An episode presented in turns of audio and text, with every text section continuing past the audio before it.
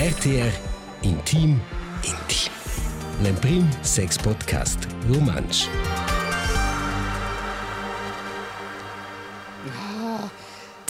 Ja, Marco studeia. Quals ves fa quell'introduzione al meglio? Ja, jetzt hat er noch nicht kommentiert, ist das, puci da un po' in un po' in idee, das so. curiosität. Luego, mit der Tennis, luego un po' in Memo Craze, lust dann schon zu kommentieren. Also io meglio scottiato in cia dos con na. Un La qualità del sperma in Svizzera non è più buona che per Boot. Was ist so dit? Per Ceccia, questo so schnell, per lascia sen gestern un po' in Landervi. Sco prima, quad eins not in generell äh, Qualität der Spermas.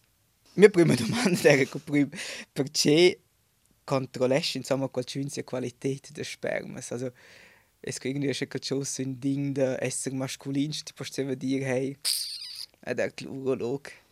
Der podia você qual sperma, c'è mio sperma im Sun.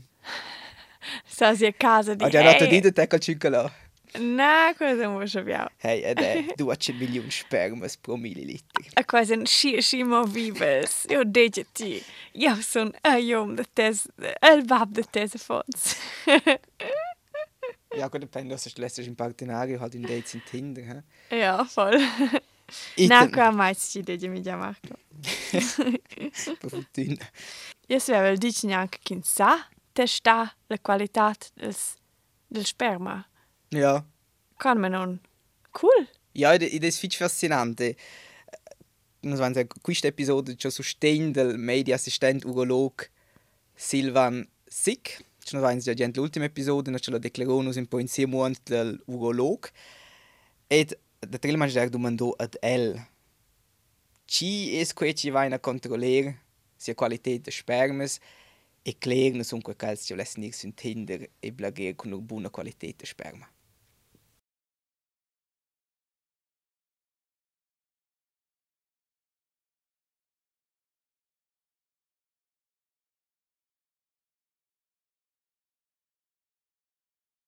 Ja, es ist ein bisschen unterschiedlich, oder? Warum kommen die zu uns? Was wir häufig haben, sind, sind äh, Bärli, die zu uns kommen, die vielleicht irgendwie 35 sind und das klappt nicht mit dem, mit dem Kindermachen oder mit dem Schwangerwerden. So. Und dann ist meistens der erste Schritt, wo man sagt, ja, wir brauchen mal ein Spermiogramm, also so eine Spermienanalyse. Wie sieht das eigentlich beim Mann so aus? Und wie funktioniert das?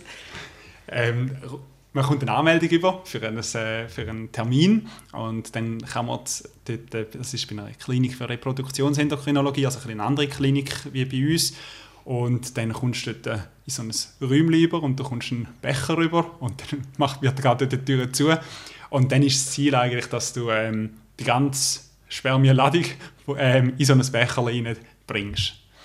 Und das wird nachher untersucht unter dem Mikroskop und dann schaut man eigentlich an, wie sehen die Spermien aus, sind die normal geformt oder sind die irgendwie mit zwei Köpfen versehen, schwimmen die, schwimmen sie einfach im Kreis oder schwimmen sie zielstrebig um und wie viel sind das eigentlich? Das schaut man eigentlich in dem Spermiogramm an. Und, und wie viel Spermien muss man da in den Becher reinkriegen? Ich meine, es gibt ja Leute, die haben mehr Ejakulat, es gibt solche, die haben weniger. Grundsätzlich ist das Ziel, dass du einfach einmal die ganze Ladung reinbringst, so, um das nachher zu beurteilen. Wir schauen dann schon, wie viele Milliliter sind das auch, sind das jetzt eher viel oder wenig. Das hängt ja am Schluss auch von vielen Faktoren ab. Was dort zum Beispiel einen Einfluss hat, ist, wie viele Tage hast du keinen Samenerguss gehabt. Und da empfiehlt man dann einmal vor so einer Spermienanalyse, dass du dort zwei bis fünf Tage keinen Samenerguss hast. Weil es werden weniger Spermien rauskommen, wenn du an dem Tag schon zweimal ähm, einen Samenerguss gehabt hast. Und ähm, das funktioniert natürlich nur, wenn es frisch ist, das Ejakulat. Oder? Das kannst du nicht einfach drei Tage daheim aufbewahren und nachher schauen, sondern die Spermien sterben, oder wenn sie zu lange mit Luft in Kontakt kommen. Oder? Darum muss man das auch vor Augen machen. Das ist Genau. nicht einfach eine Schikane, sondern Nein, nein, das hat wirklich seine, seine Gründe, warum dass man das so meistens machen tut. Genau. Und dann wird das ausgewertet und dann kommt man zu dir zum Gespräch. Genau, genau. Und dann kommen die Patienten meistens mit so einem Zettel oder zu uns und dann schauen wir mal auf den. Und dann tun wir das mal mit diesen Normwerten oder vergleichen. Und es ist ja so, also Spermien, es gibt recht viel missgebildete Spermien, es gibt recht viele, die einfach sich gar nicht mehr bewegen oder im Kreis schwimmen. Das ist völlig normal. Also es gibt, ähm, es gibt wenige, die eigentlich normal aufgebaut sind und zielstrebig gerade ähm, am Schwimmen sind. So. Wieso ist denn das so? Ist wahrscheinlich ein bisschen der Massenproduktion geschuldet. Also man macht recht viel Spermien pro Tag, über 100 Millionen pro Tag. Und von denen haben halt nicht alle die beste Qualität. Also, am Schluss muss ja genau ein einziges muss ja ankommen bei den Eizellen. Ähm, und, ja, das ähm, ja die das ist so ein bisschen meint. Quantität von Qualität. Qualität. Beim Mann das Thema. Der Sperma in Schweiz so schön so sola la. Perché so qui, se faz naturalmente bem evaluar be aquela ali a chino clap fans, evaluar o urolog e faz lá o teste, logo fiz a clear perché, perché vai a belia te testare il sperma, ci ha problemi, so klar. Also er ja fatto tests, tests in Schweiz con recruits. Mm. E klar so naturalmente un po' in tuat tres la linea della società, per klar è pratic. E là si guarda als resultat, lo fa quasi su steri da tenor la WHO, questa l'organizzazione mondiale da sendet da quei tre criteri che guarda la qualità de spermias. Il primo criterio negativo so mehr poche spermias. Il secondo è che il summe mehr poche movibels, also als wissen in sehr buns, aber als noch even de nudere wohnt in avant per la fructificazione.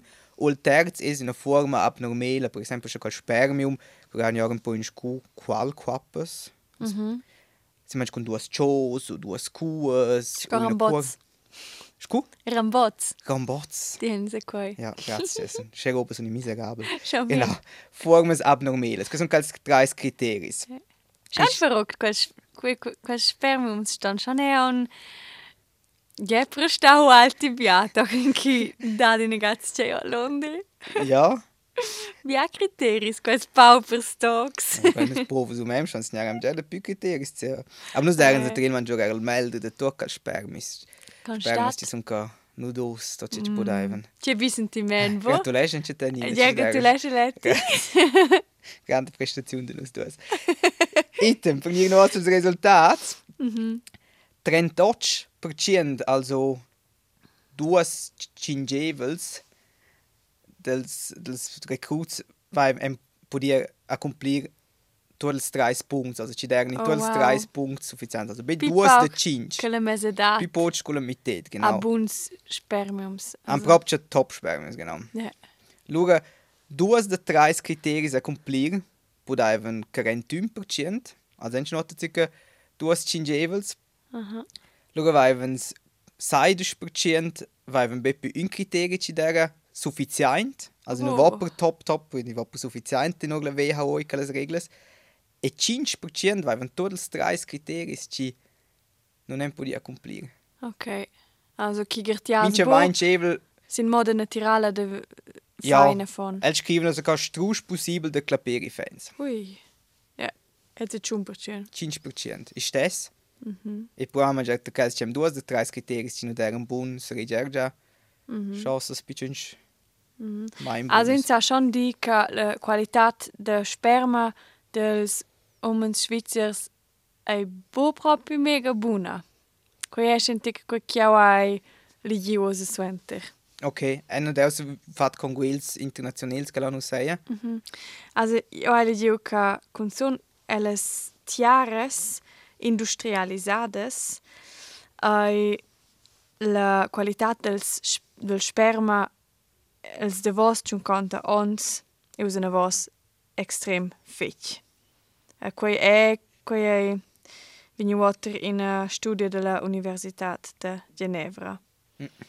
Che in generale la quella qualitat de domens svizzers schau suenter compareo con l'enciata del vegnavel centenè per 50%.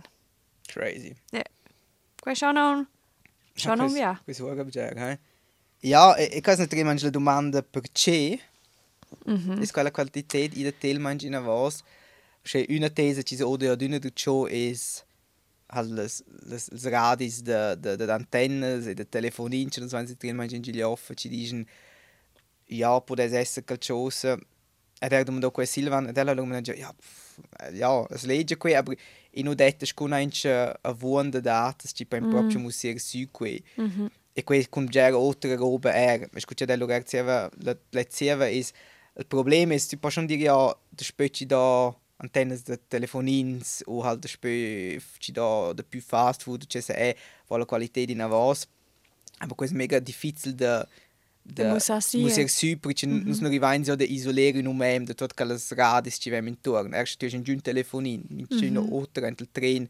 Mm -hmm. E si lugar cos radis intorno intorno. Also questo mega difficile stesses con con hormoni antilove, ci può essere un'influenza o Cose qualità d'aria, traffic, mm. temperature. Plastic, Plastic, genau. Quindi è tutto quel che sa Ja, che greve da musa si c'è è lo proprio de vos, genau. Genau, Ma te è una somma di tutto qua.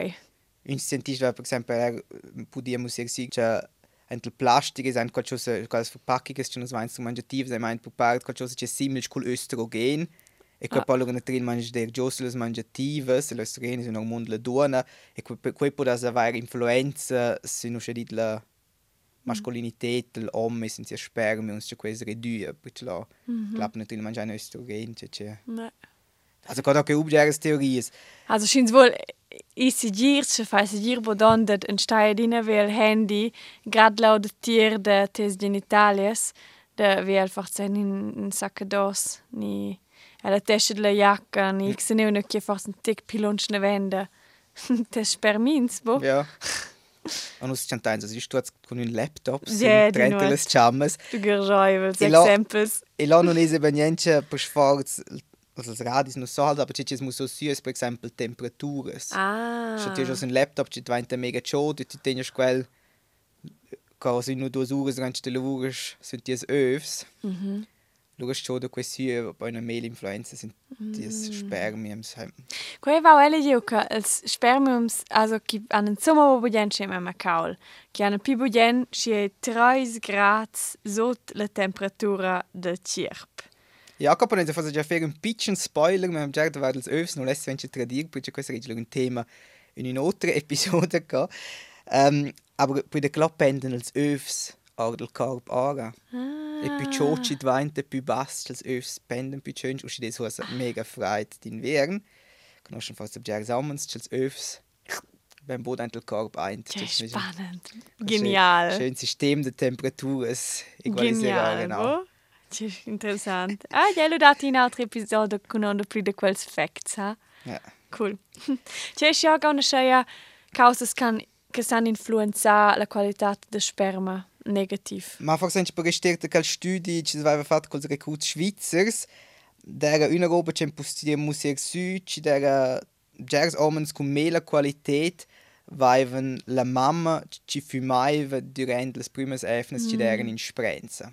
In quel tempo sviluppano els övs e l'intero sistema ci produce loro spermies e là mi podemos dir sicher che quelle persone ci la mamma ci fumaivan la MG mela influenza che avevamo già de più ci non funzionava allora già da cominciamento avendo il sistema ci era fucci mm -hmm. da per esempio fumer era il baiver alcohol Jo, e leggevo laut in una studia che e donne che erano in speranza avevano del job a no contact con pesticidi, ni meta schwermetalle, ni weichmacher, che quasi tendenzialmente sono ve a fons, wops can forse più tard problems con la fertilità. Mm -hmm. Also, per esempio, fails de pures ni coiffeuses kein forza in contact eben con pesticids ni con auters de, de quels pesticids ni con altres substanzas san esser per tucai pi fetg da ina qualità de sperma de sperma pi bassa. Schon un krass. ja e un un factor può essere il fumer o il baiver alcohol ci riducesce la qualità des spermies dici Mm, also dus omen sets, genau. budele no, moma no, con la, la, la, la persona svessa e là so fa test se do ci po per parte già c'era tre mais tu ciò tu melder la qualità cioè smette smette Ah. baiver e fumer se tre mais diventa po la qualità già tu ciò tu melder Ah, good news. Ja. Also schins a fein test, se fein in seine schlechte Qualität der Sperma in Podes sei prädigen. irre, irreversibel, in sei pus bei mi da Ähm, forse. ja, natur tut's. Also, okay, es quasi im Moment du schon der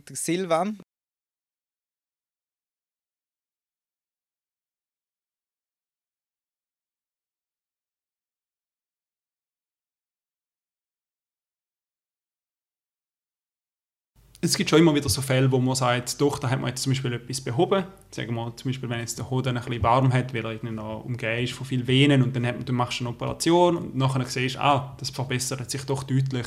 Also da gibt es wirklich regelmäßig Faktoren, die man kann beeinflussen kann.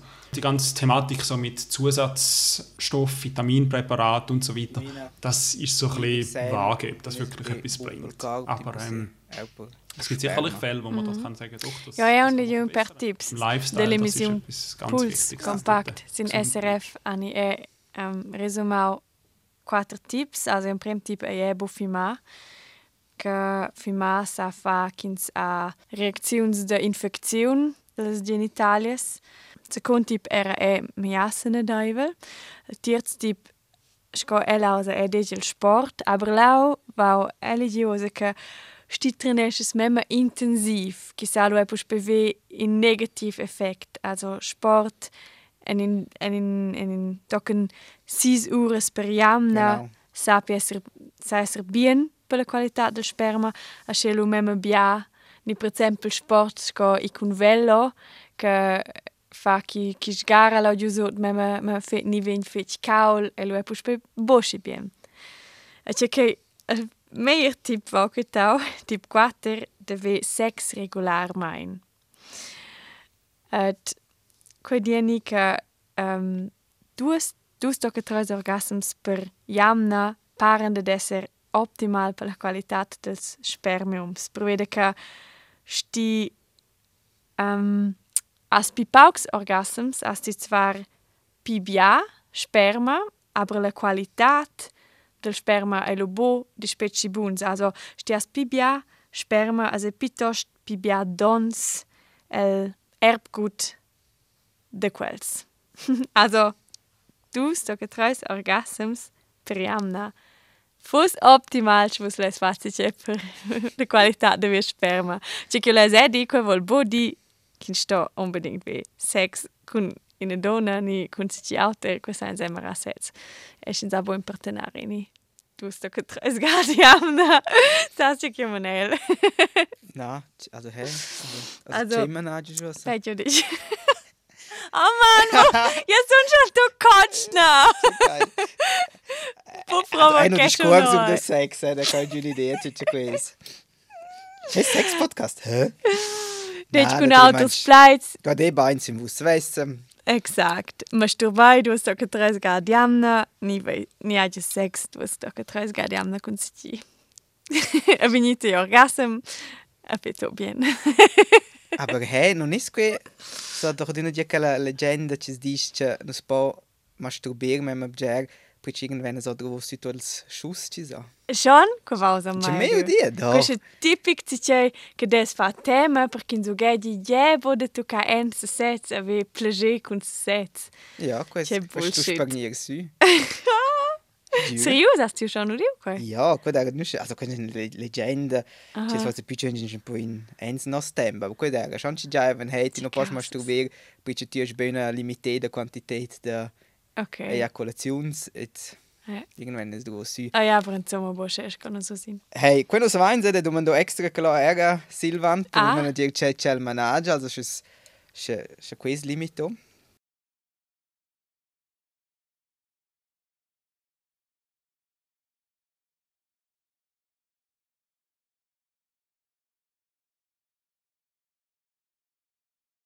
Nein, da ist wirklich nichts dran. Du kannst ähm, so viele Ejakulationen haben, wie quasi körperlich möglich ist. Das ist nicht irgendein Aufbruch nach, ich weiß nicht, 1000 oder 10.000 Schuss oder so. Da musst du keine Sorgen haben. Das geht auch bis ins Alter ruhen. Und das hat auch etwas, wo, wo man muss sagen, das hat auch einen gewissen protektiven Effekt, wenn du das immer nutzen tust. Da gibt es unterschiedliche Studien, aber da gibt es auch Studien, die sagen, dass die Wahrscheinlichkeit von Prostatakrebs zum Beispiel ein bisschen weniger wahrscheinlich ist, wenn du regelmäßig ähm, ejakulieren tust. Also von dem her, ejakulieren ist wirklich nichts Schädliches oder Schlimmes. Und eben körperlich meinst du, dass halt sobald irgendwie so viel gemacht hast, dass es Rötiger oder Reiziger gibt am Penis, oder? Oder was ist dort, was körperlich möglich ist? Ja, genau. Also es ist Also so man sam buši spertel sperma. Na, Alter te les dones. Das wenn ja minche meins ja, in kannst du nicht musst du ja sperren. Ja. Nein, und er dran mein stelles dief. Das wenn ja minche meins ina che vegn madira et i dat mo in una certa quantitat de cellas dief et x cu en quellas lo è drovada si per quais allas dunas ge bo vegni en speranza tocca chun conta. Ja, de la no quei stress vis vus bo, ha? no, še stranesce regulir mangia, guarda c'è to resta semi frasch, lura. Mm -hmm. Lura so in si eternità, eh? e c'è c'è anche c'è to culti ho dit trainare regulär mangia per non negla roba il plate, masturbare regulär mangia quei giuda ja da avere una buona qualità der spermis, aber c'è c'è tu interessant quei giuda era la prostata da rester sema. Ah, also okay. okay. c'è allora irgendwann Probleme der Prostata. Mm. Also du hast Aspekt viel Positives. Win-win. Win-win. A win on in win pel plager kin sa da fai. Ja. Ja, è un fun fact. E zwar um, hai dau in perscrutader della Hollandia che ha recherchau ed en flavo che omens che porten rasses de scots, also Schotten, Rücke, an pibiars et pisperts spermiums. e quai, già vede quai, che ti ha schon una volta integ declarau la temperatura, si hai lo per plian quels omens che porten rasses de scots, je buen calcio so ten, e se lo fascin. Ja, genau, di un invent che fa fresco e in una ottimale temperatura. Quai, Guarda, lekker wou quitau. Et in stosa po portar quelles raças de scots e sti pi sempre zwer les boxershorts, quelles que ein pi lockes, po quelles stretches vul speedos, ein emeires per ve in pi fresche temperatura denter comba, also quelles boxershorts can larges. A in a studie della um, Università da Howard en flau o che è effet bien per les per, per tu, per la qualità del sperma. Non c'è che so schebe bequemes. Ja, Das war hat ja schon ein gesagt. Deal. Questo è un po' un dilemma. Ja. Aber was das du decidere? Comfort ni se ne dat de tu sperma. Comfort. Oh no! ja, non lei per mai in giunzi fans, c'è cosa tip top. Ja, Se constant. vedi che c'è venire intorno mentre il baggy jeans, mentre il bermuda. Kann aber nicht queste Alibaba, Choches. Loro sei oh oh. Aladdin. Aladdin, genau. C'è Quelle come lei di fans.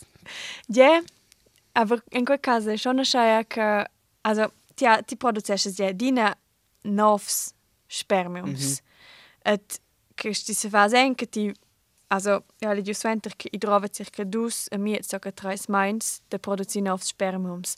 Also sti se fa sen, okay, io lesen in mi don forse ve fons che ti sa se lu en chaiver metter en turen in tek tiu stil de viver eba wenn ich kules couches de Aladdin les boxershorts larges se nutribein wobei bra alcohol wo fima che ti as lu in a buona chance che de vene buona qualitat po Ja. Also che es bo tots che traien oh io femel ni io io bible minche weekend che co vol bodi che to de piars che issa ti sa sco a un fazio persuenter che tes spermiums del futur vengono vene buona qualitat. Ja. Ed è schon was fall se mai poi in tema con la qualità des spermis. Also non è so scecci des akut, also mm. das profitino schöner Wein non essen ja näher Also ich guarda una eiaculazione può avere ein um, 2,6 milliliters eiaculat. Questo fa Millili milliliters. Genau, questo c'è un pic, also questo è un stunde caffè, circa plein, also können wir nicht gut das Films der Partners mit der Test ci haben una mezza von tema. Ni preset eben 2,6 milliliter, das ist circa la media. E in mince milliliter sind 30, 35 milioni e 200 milioni spermiums. Boah. Also poi fare quindi stiamo al massimo, lo forse 1,2 miliardi spermiums. Mm, Questo è il massimo, stiamo poi in pipoch. krass. Es ist la grande parte in Cidina su 100 milioni spermies e su 39 milioni spermies, also questo è non una bod un terzo da che la ähm, as vela scu nafruitaivel, also unfruchtbar. Okay, also ich trovo schon tuttina un bia. Genau.